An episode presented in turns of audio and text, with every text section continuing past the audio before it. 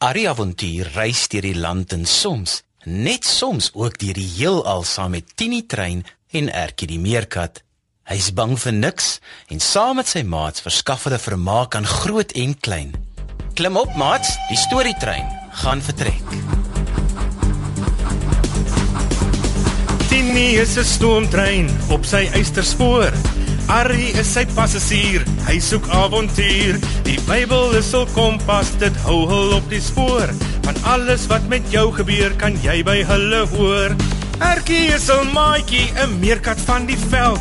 Karosie is 'n stoute aap, hy doen gewone kwaad.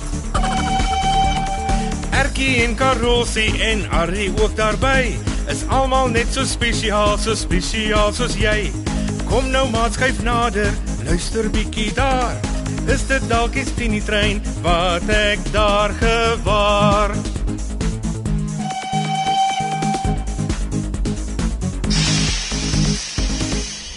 Hallo oudjies, het julle lekker geslaap? Jy dinkie, Ari. Waar is ons nou? Hallo Ari. Ooh, shit, dit is nog donker. Hoekom maak jy ons nou al wakker? Hm, ons is nie nagdiere nie. dis nie nag nie, Karolsie, maar dis ook nie dag nie. Oh, Ari, kyk hoe groot is die maan. En kyk al die sterre, hulle is so groot. Hoe is dit moontlik? Waar is ons? Kyk gou deur die ander venster en dan sê julle wat julle dink julle sien. Uh, nog sterre wat naby lyk in die donker en oh, wat is daardie groenerige blouerige bal daar aan die ander kant met die wit streepies so hier en daar? Oh, Karosie, ons is in die lug. Ons is in die ruimte soos ruimtevaarders. Dis seker die aarde daardie. Net so meerkat. Wat? Maar maar maar dit is nie 'n ruimtetuig nie. Ons moet dadelik teruggaan. Ons gaan val. Ontspan, Karolsie. Onthou, Tini is nie sommer net 'n gewone trein nie. Tini gebruik spesiale superoktaan wat maak dat hy deur tyd en ruimte kan reis. Ja, en Tini kan die atmosfeer binne die kajuit aanpas sodat ons steeds swaartekrag het en suurstof kry. Daarom het ons nie ruimtepakke nodig solank ons in Tini se trok bly nie. Ooh, dankie. Tog. Julle sal mos darm nie vir my jok nie, nê? O, dis verskriklik warm. Hoekom is dit so warm, Ari? Ons het tot baie naby aan die son gery. Oh, Die son se oppervlak is so warm dat dit gewone metaalruimtetuie sal laat smelt as dit so naby vlieg soos wat ons nou was. Ons was nou op 'n plek waar dit 15 keer warmer as kokende water is. soos daardie water wat jy by vuur maak vir jou koffie, né, Ari? Net so. Oh, is die son soos 'n bal met water in wat God met vuur warm maak, Ari? Nee, Ertjie. Die son is 'n reuse bal warm gloeiende gas. Dit is 'n ster. Net soos al die ander sterre wat ons nag sien, maar dit is baie nader aan die aarde. Daarom voel ons ook sy warmte op die aarde. En dit gee vir ons lig ook. Net so Karolsie. Jy hou nie baie van die donkerte nie, nê? Nee. O, oh, nee, Ari, nie so baie nie. En in die nag gee die maan vir ons mos lig. Is die maan ook 'n warm ster soos die son, Ari? Mm-mm. Die maan weerkaats eintlik die son se lig na ons toe. O, Ja, hy maak nie self lig soos die son nie. Nou die maan is 'n planeet. Soos die aarde.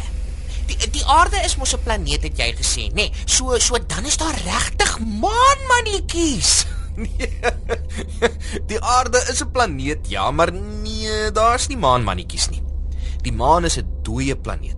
Daar's nie water nie en alles wat lewe het water nodig. en die aarde het baie water. Kyk gou weer na die aarde wat nou soos 'n blou en groen bal lyk, soos Karolsie gesê. Nou al daardie blou stukke Ah. is die water van al die oseane. Oh, Ja ja, en die groen stukke is die land. En die wit strepe is wolke. sjoekas, dis verskriklik mooi. Mm, dit is. Ons noem die aarde ook soms die blou planeet. Maar deur aan die kant is dan ook twee blou balle. Daar maanmannetjies en hulle lyk dan asof hulle net vol water is. Karosie.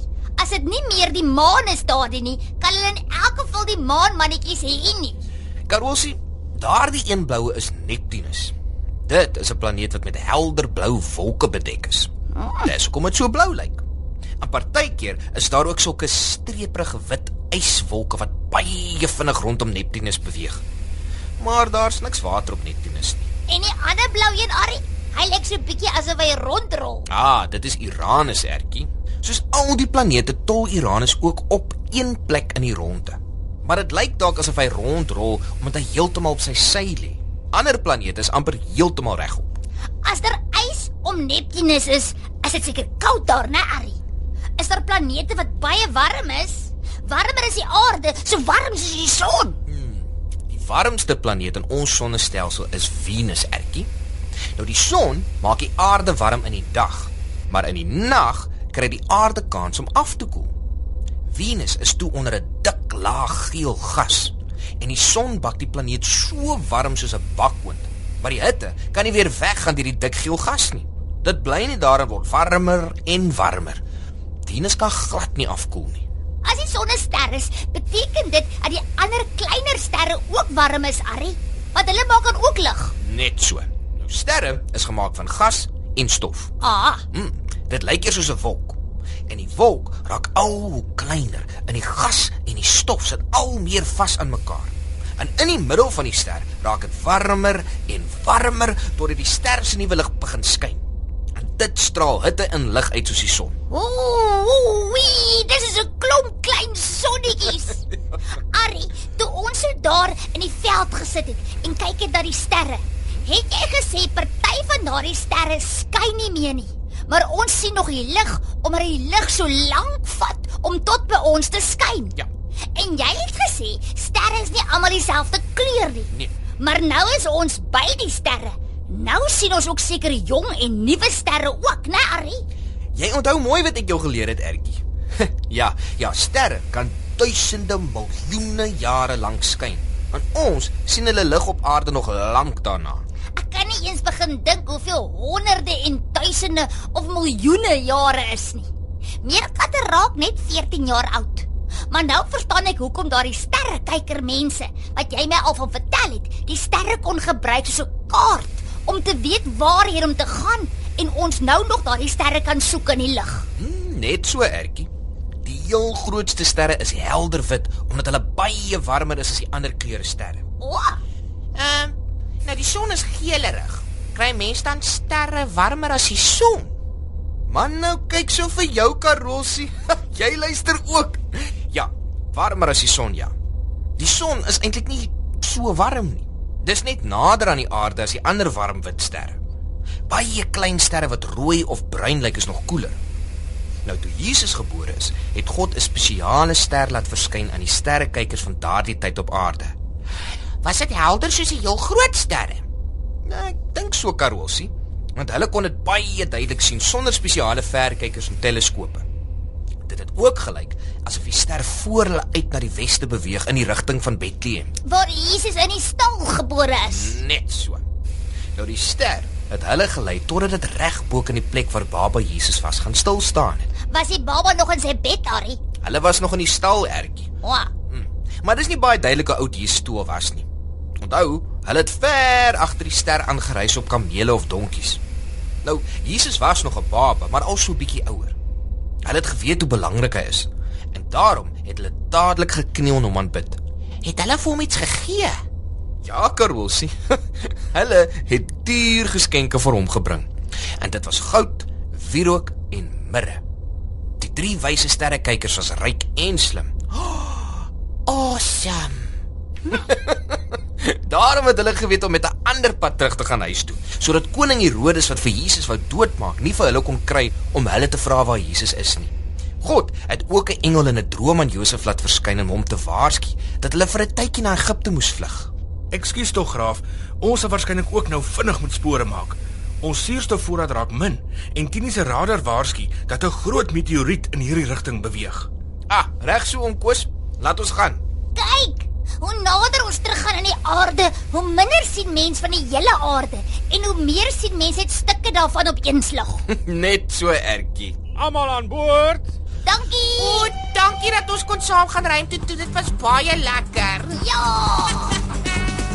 Tini is 'n stoomtrein op sy eysterspoor. Arrie is sy passasier, hy soek avontuur. Die Bybel is hul kompas, dit hou hul op die spoor. Van alles wat met jou gebeur, kan jy by hulle hoor. Erkie is 'n maatjie, 'n meerkat van die veld. Karosie is 'n stoute aap, hy doen gewone kwaad. Erkie en Karosie en Arrie ook daarbey. Is almal net so spesiaal, so spesiaal soos jy. Kom nou maat skuif nader, luister bietjie daar. Is dit dalk die Tini trein wat ek daar gewaar? Die avonture van en Erkie is geskryf deur Elsie Stander. Dit word opgevoer onder spelleiding van Lazelle de Bruin, tegnies versorg deur Neil Roo en vervaar deur Worldwide Media.